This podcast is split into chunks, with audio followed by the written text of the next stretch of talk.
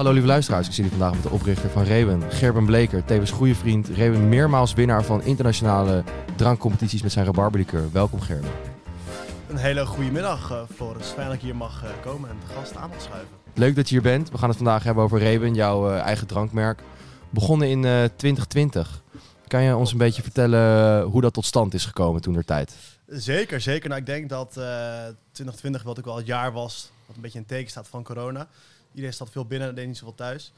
Um, ik was een beetje ervoor aan het ondernemen. Vroeger had ik een eigen kledingmerk. Heb ik toen uh, doorgegeven. En daarna dacht ik, ik wil eigenlijk iets meer doen. En als student zijn natuurlijk veel met alcohol bezig. Ik dacht, hoe tof is het als je ergens een restaurant binnen kan lopen... en je eigen fles op de, op de toonbank ziet staan. Um, toevallig had mijn moeder uh, al jaren thuis een grote moestuin... waar ze eigenlijk een rabarberlikeur uit maakte. Um, dus had ze een grote zuurkoolpot waar ze verse rabarber uit eigen moestuin in deed... om een beetje te experimenteren. Uh, zodoende kwam eigenlijk een recept uit. En tijdens corona dacht ik, volgens mij is het zo lekker.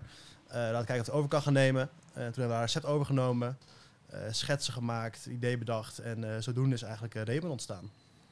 Um, en dat heb je in corona gedaan. Was dat, je was gewoon aan het vervelen? Of was daar andere...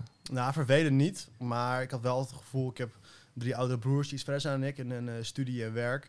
En ik merk toch wel op een gegeven moment... het vele niks doen in studentenleven ook wel gaat vervelen. Um, dus op een gegeven moment dacht ik, hé, hey, ik wil ook wat daarnaast gaan doen. Um, en toen kwam net eigenlijk op mijn pad. Uh, dus ja, enigszins verveling. Maar ik had ook wel een bepaalde drang naar meer doen dan eigenlijk wat, wat iedereen doet. En ook interesses uitbreiden. En ook gewoon dingen leren van zo'n soort avontuur aangaan.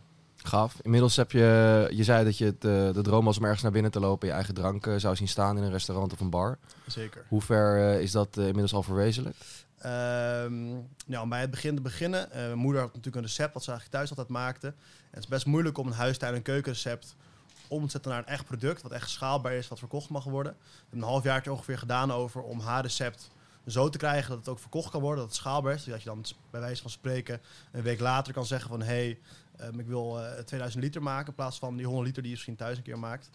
Um, dat heb ik toen gedaan, een halfjaartje eigenlijk getest. Uh, en nu zijn we drie batches verder.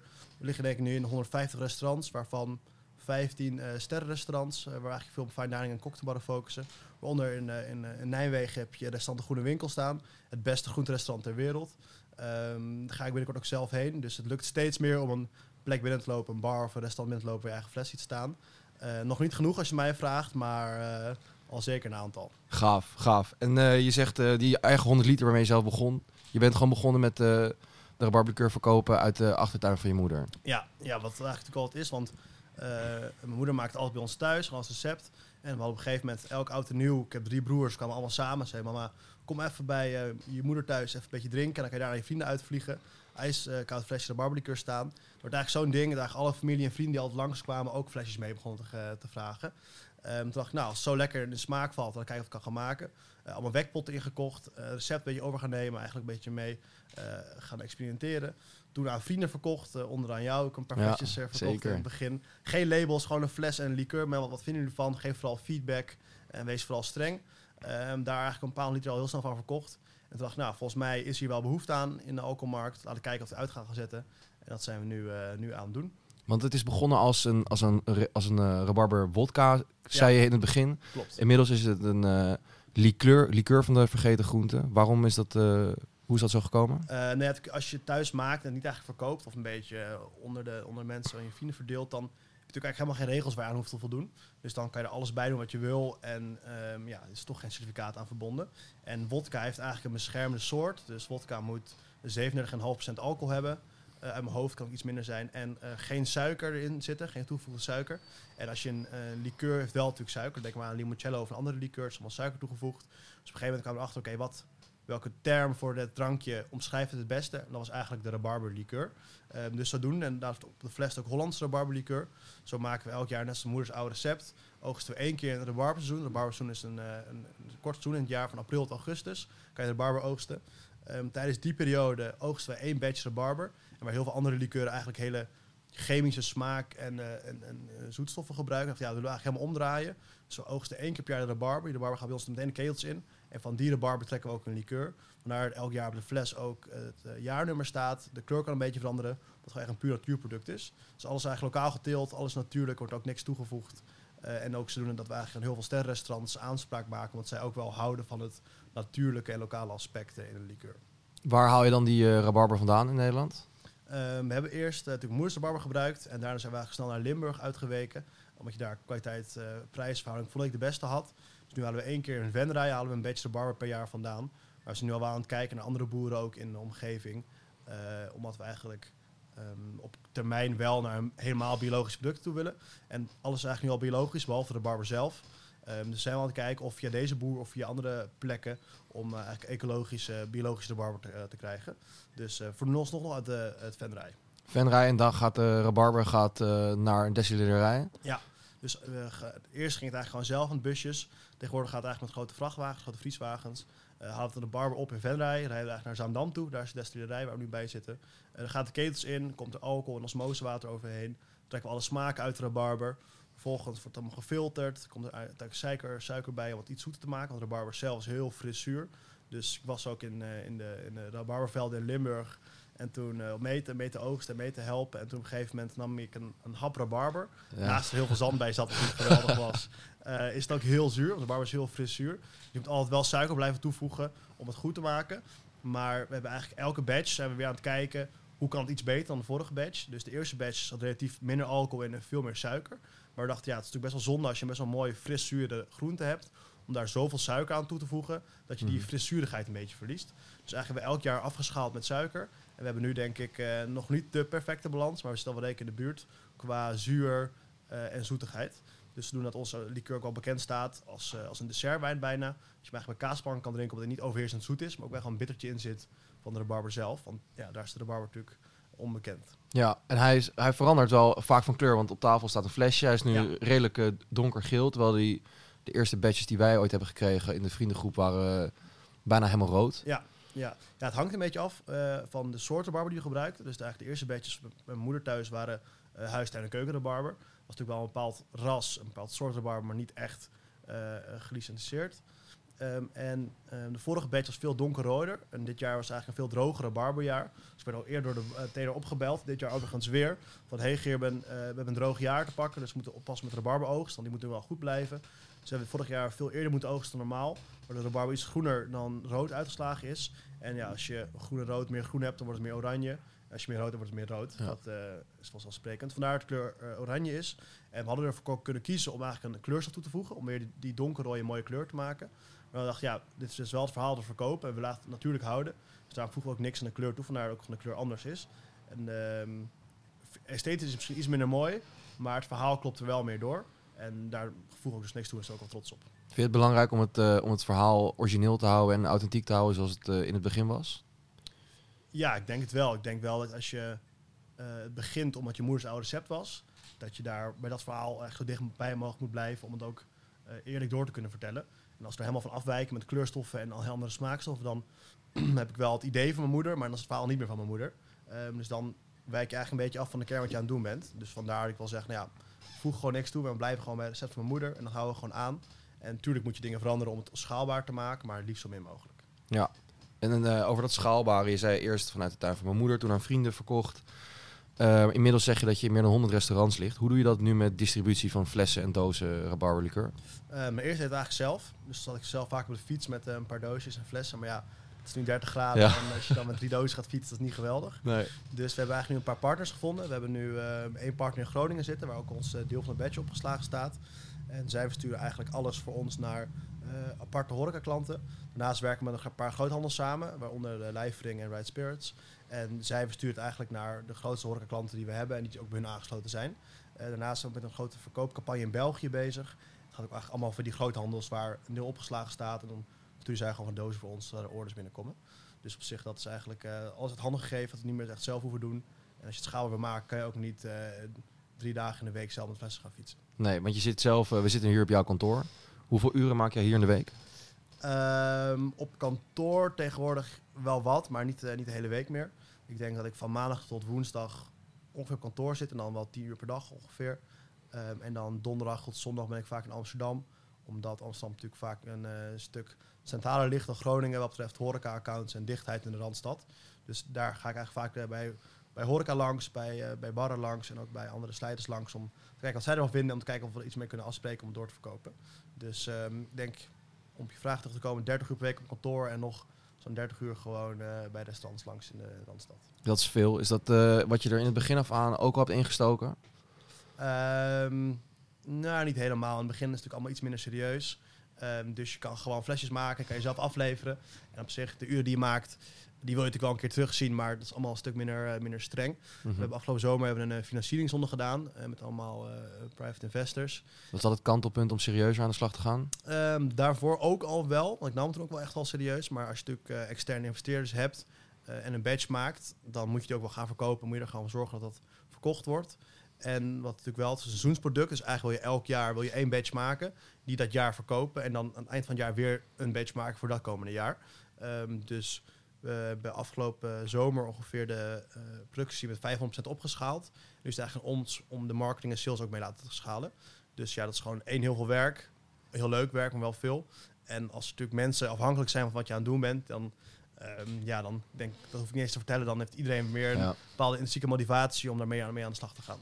Hoe pak je dat eh, opschalen van de marketing en, eh, en andere dingen nu op? Een goede vraag. Ik denk dat de marketing is wel op zich wat we aan het doen zijn. Is wat natuurlijk de barbecue is een hele nieuwe smaak eigenlijk. Dus als je een limoncello koopt, dan weet je wel hoe je drinkt en wanneer je drinkt. Maar de barbecue is eigenlijk voor iedereen nieuw. Mensen, onze generatie kennen de barber wel, maar de smaak niet per se en als liqueur al helemaal niet. Dus je moet mensen wel een beetje laten zien hoe je het eigenlijk drinkt. En we hebben nu een beetje twee wegen ingeslagen. Aan de ene kant is echt de sterrenrestaurants en fine dining, waar je het eigenlijk bij kaasplanken eet of als een dessert. De andere kant de high-end cocktailbar, zoals de Stockroom hier in de stad bijvoorbeeld. Eh, zij maken echt de beste cocktails mee. Eh, maar aan de andere kant wil je ook het, grotere segment aanspreken met een cocktail. Waar ook de Raymond Spritz eigenlijk bedacht hebben. En Raymond Spritz is eigenlijk een lokale, frisse variant van Aperol Spritz. Ehm, veel frisser en eigenlijk veel, vind ik veel lekkerder, omdat Aperol wel in mijn ik zoet is. Ehm staat ook voor ons. Ehm, ik heb een glaasje gemaakt alvast. Ik dacht, dat is een beetje vroeg, maar... eh, Ja, we kunnen hem best even één keer aantikken gewoon. Wat gaat er in een eh Raymond Spritz, terwijl ik even een slokje neem? Ehm, er gaat eh, 60 milliliter Reben in, 90 milliliter Prosecco en 30 milliliter bruiswater. En dan doe je met veel ijs eigenlijk een groot wijnglas eigenlijk. Waar je best wel een hele mooie, frisse zomerse Ja. spritz hebt. En ehm, ik ga ook een slokje nemen ondertussen. Uh, goed. Erg lekker. En wat eigenlijk belangrijk is, denk ik, met deze cocktail, dat je ook heel veel ehm, het grote segment aanspreekt. Dus een fine dining en high-end cocktailbar hebben vaak heel erg een eigen idee wat ze met een alcohol of wat ze met een eten willen. Echt een eigen visie erop. En, en als je een mooi terras hebt met een, met een bar erbij, heb je het ook wel een beetje, maar iets minder. Die Raymond Spritz spreekt eigenlijk heel veel die bar aan. Dat het echt gewoon gedronken kan worden als op het terras in de zon met Mhm. vrienden op een mooie locatie. En de marketing is daar op aan het schalen. Dat we eigenlijk laatst hadden we een evenement in Frankrijk met 80 mensen waar de cocktailbar voor leverde. Ging een videograaf ging mee, een fotograaf ging mee. Dat we echt het Raymond Spritz zomerse gevoel vastleggen. Echt het gevoel van eh, met je vrienden op een speciale momenten. eh, lekker weer mooie tuin in Frankrijk. Eh, om wat vast te leggen. Dus dat is met de marketing bezig. Daarnaast draaien we veel ads op TikTok en Instagram. eh, om eigenlijk een groter publiek te bereiken. En wat eigenlijk je doel is natuurlijk, want je moet natuurlijk de fles verkopen aan het restaurant. Maar het restaurant drinkt natuurlijk zelf de fles niet op. Dus je moet zorgen dat de... Ga, gaat goed. Gaat, kleine error achter. Ehm, je moet er zorgen dat iedereen die, de, die barren waar je aan het verkoopt, als ze daar binnenlopen, dan moet je zorgen dat het publiek dat er komt, moet je een beetje kunnen snappen en moet je ook een beetje hun pet op kunnen doen. Ja. Want eigenlijk zij moeten het kopen. Dus de restaurant koopt één keer van je in. Maar de zorg is om het eigenlijk lopend te maken dat de consument die in die restaurant of bar komt, het ook weer doordringt. Um, en marketing zijn dat nu bezig om eigenlijk die doelgroep die wij willen in die barren en restaurants aan te spreken met fotoshoots, met videoshoots, met advertenties, noem maar op. Dus dat is eigenlijk een beetje marketing het opschalen zijn. Verder zijn we sales aan het opschalen, zijn we met een sales team bezig. Want het salesproces en alcohol is gewoon heel intensief. Je moet eh, langs een bar gaan, je moet een afspraak maken met de barmanager. Vervolgens moeten ze het eh, proeven, ze moeten het lekker vinden, ze moeten weten wat ze mee kunnen doen. En ehm, ja, je hebt natuurlijk heel veel horeca, hele mooie horeca ook in Nederland, die echt heel goed zijn. Alleen in je eentje heb je natuurlijk maar een x aantal uur per dag. En je kan gewoon niet al die horeca langs gaan eh, in, in een week. Dus we zijn met een sales team bezig van verschillende plekken in Nederland. In Breda, in Amsterdam, in Utrecht en Rotterdam. Om eigenlijk mensen aan te nemen, vooral studenten, die een beetje zoals wij zijn. Is gewoon van het leven houden, maar ook het echt leuk vinden om daarnaast eh, volle bak te werken. Dat ze eigenlijk voor ons of samen met ons die restaurants langs gaan, het verhaal te vertellen en eigenlijk eh, die sales proberen te maken. Dat is eigenlijk een notendop wat we aan het opschalen zijn qua marketing en sales. En eh, dan is deze, deze marketingcampagne is specifiek gericht op de, op de Reben voor Ja. de zomer. Ja, dat klopt. En dat, hoe, hoe bereik je die doelgroep die een bar binnenkomt en wel jouw cocktail drinkt, maar niet misschien weet welke drank daarachter zit? Eh, maar dat is natuurlijk altijd lastig, want het is best wel moeilijk meetbaar. En ik denk heel veel grote bedrijven hebben er heel veel onderzoek naar gedaan. Maar uiteindelijk moet je dat proberen als je een bar... ehm, je wil eigenlijk een beetje de, de outlets in de stad eh, identificeren. Dus welke plekken zijn heel bekend onder jouw doelgroep? Nou, de Spritz, de doelgroep, weet je, de millennials, dus 25 tot nou ja, 30, 35. Ehm, en je weet altijd wel via familie of vrienden een beetje welke plekken zij de stad heen gaan. En vervolgens kan je ze weer retargeten met advertenties die je op een bepaalde doelgroep kan neerzetten. Ehm, en wat ook heel belangrijk is, dat je weet wanneer zij het drinken. Er gebeurt veel in Ja, er gebeurt heel veel hier buiten nu. eh. Maar dus het belangrijkste is dat je ook wacht, weet... wacht, wacht, wacht even, wacht even. Ja, oké. Go, gaan we weer.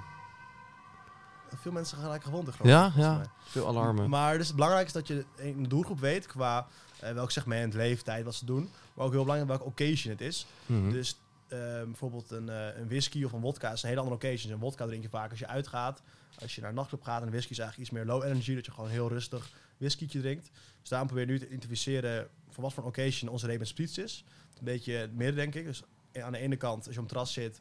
eh en lekker aan het drinken, met de vrienden een beetje aan het borrelen... dan is het echt top. Ehm, en die occasion moet je eigenlijk zorgen dat je de doelgroep identificeert... en ook weet waar zij drinken en wanneer zij het willen drinken. En op die momenten kan je aansturen, oké, als ze daar gaan drinken, wat gaan ze daarvoor doen, wat gaan ze erna doen? Kan je zorgen dat je daar eh, je naam ergens bekend maakt op een bepaalde manier. Dat zij daar aan tegenkomen, dat ze dan uitgaan of een- eenmaal naar die bar gaan waar ze gaan drinken. En als ze het al herkend hebben, als ze elkaar zeggen, hé, hey, Raymond Spitz, hey, dat ken ik daar en daarvan, doe er maar vier. Gaaf. Dus het is, dat is nu mar lopend marktonderzoek waar je mee bezig bent. Ja. Ja, constant, vooral denk ik in een nieuw bedrijf, is het constant heel belangrijk dat je alle informatie die je constant vergaart door het verkopen. En ook dat je heel goed in contact blijft met de horeca. Van hey, ehm, eh, wat vinden jullie ervan? Wie kopen jullie in? Hoe was de reactie erop? Dat je heel goed in contact blijft met het consumentie, eh, cons consumentieproces en punt ook. Ehm, en dat is wel heel veel werk, maar dat is wel denk ik als een nieuw merk essentieel om te kijken eh, waar je marketingbudget, die al niet geweldig groot is, uit, eh in uit gaat geven. En ehm, als we aan het praten zijn over uitbreiden, dat, daar komt eh, erkenning bij kijken. Eh, je hebt met de Rebarbicur nu al eh, tot twee maal toe meerdere prijzen weten te pakken in meerdere internationale drankencompetities. klopt. Dat zijn de Lyric, eh, London Spirits competitie en de... International Wine and Spirit Competition. Hoe, eh, hoe, hoe ben je bij die prijzen gekomen en hoe komt dat naar jou toe? Ehm, nou, wat je denk als nieuw merk altijd een beetje aan het zoeken bent, is erkenning. Als in, ehm, als jij een Jack Daniels, om geen goed voorbeeld te geven overigens, maar als jij een goede whisky drinkt of een, Ja. of een cognac, een Remy Martin kent iedereen, een Hennessy kent iedereen. En zij hebben natuurlijk al een bepaalde status, van mensen kennen dat. Eh, maar als jij een nieuwe smaak in de markt zet en je bent eigenlijk nieuw in, de, hele, de hele markt, dan moet je eigenlijk zorgen dat bepaalde experts eh, je gaan erkennen en zeggen van hé, hey, wat zij maken, dat is echt, echt kwaliteit. Dus vandaar dat we ook eigenlijk met die sterrenrestaurants begonnen zijn. Want als zij zeggen van hé, hey, we schenken het, zij hebben natuurlijk een hele hoge standaard. En daarom ben ik op zoek gaan naar een paar eh, internationale eh, alcoholprijzen, waar ik eigenlijk heel snel bij hun uitkwam. In Londen zitten ze bij, dat zijn best wel twee gerenommeerde alcoholprijzen. En toen hebben we daar een paar samples opgestuurd. Dan betaal je een fee voor testen. En dan gaan zij eigenlijk met een objectief panel van experts zij testen. En wat eruit komt is heel waardevol voor je. Want ehm, ik hou heel erg van drank, maar ik kan mezelf geen expert noemen. Ondertussen iets meer, maar toen begon zeker niet. En zij hebben al jaren eh, ervaring in die hele business. Dus als hun mening objectief is, en dat telt gewoon heel erg mee. Dus dan moet je vooral meenemen. Daar moet je ook weer je volgende beetje weer een beetje op aan gaan passen. En niet op één mening, maar wel als je er 30 verzamelt van eh barren, barmanagers, eh eh chef-koks en dus die experts van zo'n competition, dan kan je ook wel steeds een betere liqueur maken. Oké, kan je dan, eh, als, je, die- als je die prijzen binnenhengelt, kan je dan zeggen dat je een momentje hebt om trots te zijn op wat je tot nu toe hebt neergezet? Ehm, zeker, absoluut. Ik denk wel dat bij mij en zal bij heel veel ondernemers er daar een beetje last van hebben, dat ze een bepaald doel voor ogen hebben. En als dat doel bereikt is, dan ben je denk ik een dag of twee trots op jezelf. En dan heb jij gewoon een volgende doel waar je naartoe werkt. Ehm, dus ja, ik was er wel eh, blij en trots mee. Alleen dat was wel van korte duur. En als we nu toch eh, iets meer over jou hebben, wat, wat, wat is nou die drijver achter jou om naar steeds dat volgende doel dan toe te werken? Ehm, dat is een lastige vraag. Ehm, ik heb hier ook vaak over nagedacht al. En ik heb niet zo een van die drijfveer van... eh, vroeger was ik dit en dit en dat lukte niet, dus nu moet ik mezelf bewijzen. Dat Ja, ja. helemaal niet. Maar wat ik vooral heel vet vind, wat eigenlijk mijn grote drijfveer is... is dat je in een, eh, in een markt die eigenlijk toch best wel gedomineerd wordt door oude mensen die heel lang in het vak zitten... eh, met een groot budget, vind ik het heel vet als je daar met een vernieuwend idee en een nieuwe smaak intussen kan komen. Met een nieuw idee, dus dat je op basis van echt natuurlijke en verse producten je, je liqueur maakt, in plaats van alleen maar chemische smaakmakers. ehm, is toch wel een bepaalde motivatie die ik heb. Te laten zien aan de markt van hey, het kan ook op een andere manier. En het kan ook op een natuurlijke, lokale, ecologische wijze, wat heel veel mensen niet doen. Eh, en ook daar kan je mee groot worden. Van het begin, toen we het doen waren, was het idee ook eigenlijk al dat we het wel lokaal, ecologisch en echt bij de kern houden in Nederland. Maar dat je qua marketing het wel internationaal aanpakt. Dus qua evenementen en qua nou, sfeer die je uitstraalt. En ehm, ik denk om dat aan mensen te laten zien die ook toen tegen mij hebben gezegd van hé, hey, lekker dankje, maar het wordt niks. Dat is toch wel een beetje motivatie. Ik denk van oké, ik laat graag aan de markt zien dat het ook anders op een andere manier kan. Jouw uh, motivatie ligt dus bij, uh, bij gewoon niet zozeer een specifiek iets, maar mensen die in het begin hebben gezegd dat het niks zou worden, dat helpt voor jou. Ja, wat, uh, wat is voor nu dan met de Spritz campagne het doel? En wat is daarna het, wat is het volgende doel? Um, nou, met is denk ik het doel, en dat zal enorm hoog gegrepen zijn, dat je vooral in Nederland en België eigenlijk een drank op de markt kan zetten. Dat net als een Aperol Spritz of bijvoorbeeld een Salmari gewoon echt uh, alom bekend is, uh, veel gedronken wordt, op veel kaarten staat. Gewoon eigenlijk een beetje een onmisbare Spritz wordt op een Nederlandse kaart. Um, om vooral omdat ik denk dat we in Nederland ook steeds meer naartoe gaan, eigenlijk in heel de wereld. Dat je lokale producten wil drinken, dat je lokale producten wil eten, dat je dingen uit de buurt haalt. Je kleding minder uit China wil eigenlijk halen. Dus ik denk dat een, een lokale liqueur die heel goed in een spits ook is en die ook qua merk uh, het goed op kan vullen, dat het wel een hele mooie doel is om van Nederland en België eigenlijk gewoon uh, al onbekend te zijn met de Remen Spits om veel kaarten te staan. Oké. Okay. Um, en wat is na die Reben Spritz het doel? Of is, ga je na deze campagne ook voor, weet ik veel, 80% focussen op die Reben Spritz? Um, ik denk dat Reben Spritz na de campagne ook nog wel een groot, uh, groot focusonderdeel blijft. Uh, we hebben nog een hele paar hele mooie plannen liggen, ook voor Reben Spritz en ook voor andere dingen. Uh, Reben Spritz plan kan je nog niet allemaal delen. Dat, dat zie je eind september pas. Of eigenlijk begin, begin februari, kan ik nog niet over zeggen. Um, maar ik denk dat het algemene doel van Reben is dat je eigenlijk op verschillende vlakken. Natuurlijk als alcoholmerk succesvol zijn. Dat je bij barren ligt, dat je gebruikt wordt, dat je veel bekend wordt. Ook onder, ook onder barmanagers en eigenlijk bar, bartenders. Maar ook dat je naast um, succes als alcoholmerk bent, ook eigenlijk een bepaalde maatschappelijke impact maakt op het gebied van milieu en, maatschappelijkheid zelf. Um, op milieu is het natuurlijk bezig omdat we eigenlijk alles ecologisch doen, als lokaal halen. Maar daar kunnen we eigenlijk nog wel meer in doen. Zo is het glas dat we gebruiken uh, nog niet geweldig ecologisch. Dus ik denk dat je eigenlijk op alle fronten ecologisch zal zijn. En ook um, het tofste zijn dat je ook bepaalde grote projecten in de natuur steunt. Dus de, tegengaan van ontbossing, of noem op, bomen planten, noem op. Om daar ook een bijdrage aan te doen. En daarnaast op maatschappelijk vlak, we zijn nu bezig uh, met een grote kunstenaarsbadge. Dus elk jaar hebben we eigenlijk één badge, die ook op camera staat voor de horeca. En die wordt gewoon geschonken. Daarnaast willen we eigenlijk samen een kunstenaar werken. We werken nu met een jonge kunstenaar uit Amsterdam samen. En we hebben tegen hem gezegd, hey, dit gaan we doen. We willen eigenlijk een fles, een koker uh, en cocktailcups hebben. En heeft hij eigenlijk een heel kunstwerk voor ons eerst ontworpen en gemaakt. En die komt vervolgens op de koker, komt de kunstwerk op. De fles is helemaal gecoat in het kunstwerk. En dan heb je een uh, editie waar ook de, een, een poster bij zit, hoge kwaliteit, waar die gesigneerd heeft, die ook bij zit. Dus die is nu een productie, wordt nu allemaal gemaakt. En die willen we eigenlijk in september weer lanceren. Dus dat is eigenlijk het volgende doel, dat je op naast de alcoholmerk ook op meerdere maatschappelijke fronten een impact maakt. Um, waarom zijn die maatschappelijke, dat culturele van die kunstenaarsbadges natuurlijk een hartstikke gaaf project. Maar waarom is dat maatschappelijke dan zo belangrijk voor je? Dat je ecologisch bezig bent en biologisch bezig bent? Um, ja, dat is denk ik wel iets intrinsieks. Ik weet niet precies waarom, maar altijd wel een beetje opgevoed dat je wel uh, enigszins iets moet bijdragen aan de wereld. En um, dat doen we natuurlijk wel met alcohol tot een bepaalde hoogte. Want het is natuurlijk bepaalde alcohol waar je wel leuke momenten met vrienden mee creëert, leuke ervaringen mee deelt. Uh, maar ik denk dat je als jong en nieuw fris merk nog veel meer kan doen dan alleen die alcoholervaring kan bieden. Uh, maar dat je ook eigenlijk maatschappelijke projecten kan supporten. Ik denk dat eigenlijk dat van huis uit wel meegekregen is. Dat altijd wel een beetje in blijven zitten is. Dus dat is eigenlijk de enige verklaarbare reden die ik ervoor heb. Oké. Okay. Ik wil dan uh, voor de luisteraar langzaam de, de, de podcast afsluiten. Dan heb ik aan jou nog uh, twee vragen. De eerste vraag is van uh, de vorige gast. Waar zie jij jezelf met of zonder Reben over vijf jaar?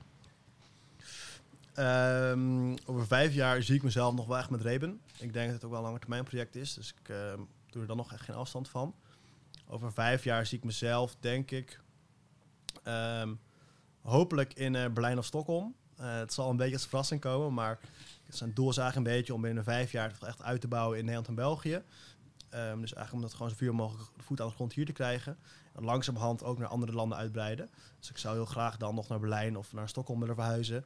Eh, daar eigenlijk een half jaar of een jaar wonen, misschien langer. En dan eigenlijk het, eh, het trucje opnieuw doen dan een andere markt. Dat lijkt me eigenlijk geweldig. Dat je daar gewoon eh, een Mhm. beetje van scratch begint. Met iets groter budget en iets meer kennis dan, eh, dan ik eerst deed. Dus dat is eigenlijk het grote doel. En daar eh, werken we nu naartoe.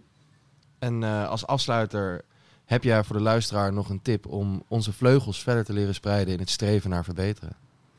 Ehm, ja, ik weet altijd nooit of ik zelf nog in de positie ben om nul deze tips te geven. Want ik ben ik zelf ook nog niet helemaal eh, gemaakt, om het dan zo te zeggen. Maar ik denk wat het belangrijkste ook al is, en wat ik ook denk gemerkt heb, is... ehm, je moet gewoon, als je iets leuk vindt, begin er gewoon mee. Ehm, als in het, toen ik hierin begon, had ik een paar wekpotten gekocht en ging ik heel vaak naar moeder toe om heel knullig in haar kelder te maken. Ehm, en niemand had ooit gedacht dat dit zou worden, dat we hier zou, eh, zouden zijn. Dus we hebben allemaal evenementen in, in Frankrijk gedaan, de kunstenaarsbadge zijn bezig, we financiering opgehaald. Dus uiteindelijk is het gewoon het beginnen en iets doen van iets. Ehm, hoe klein dan nog ook. Eh, voel je niet daar te goed voor, begin er gewoon mee. En dan in de loop van de tijd leer je zelf wel, wat goed gaat, wat niet goed gaat. Het kwaliteiten zijn waar je kan werken. En ook wat je leuk begint te vinden. Dus ik denk, vooral heel veel mensen zijn altijd op zoek naar iets wat ze echt leuk vinden. Daar willen ze echt iets mee doen. Maar mijn tactiek is altijd geweest, ga maar iets doen. Zorg gewoon eerst dat je weet wat je niet leuk vindt. En dan kom je vanzelf terecht bij wat je wel leuk vindt. Top. Dan sluiten we hem daarop af, dankjewel. Oh ja. Heb jij nog een vraag voor de laatste gast van, van dit seizoen? Ehm had je ook eerder kunnen vragen aan mij. Had ik het even voor kunnen bereiden. Ja, dat had ik zeker kunnen doen. Dat had ik zeker kunnen doen. Zo, ehm, mijn vraag aan de gast van het volgende seizoen, eh, volgende aflevering is, is ehm, ik denk dat, ehm, nou, taboe is misschien een groot woord, maar dat wel er weinig over gesproken wordt. Wat ik zelf wat wel moeilijk vind, dat ik natuurlijk student ben geweest. En dat ik heel veel sociale afleiding heb, qua vrienden, lekker weer naar buiten gaan. Eh, dat natuurlijk wel redelijk je werk en je eh, productiviteit eigenlijk ja, benadrukt. Ehm, dus ik zou me graag afvragen hoe de volgende gast zijn sociale leven met opzet van een onderneming of een andere tak van sport die heel veel energie en tijd vergt, combineert. Vind ik een mooie vraag. Dankjewel. Jij ook bedankt, Tester.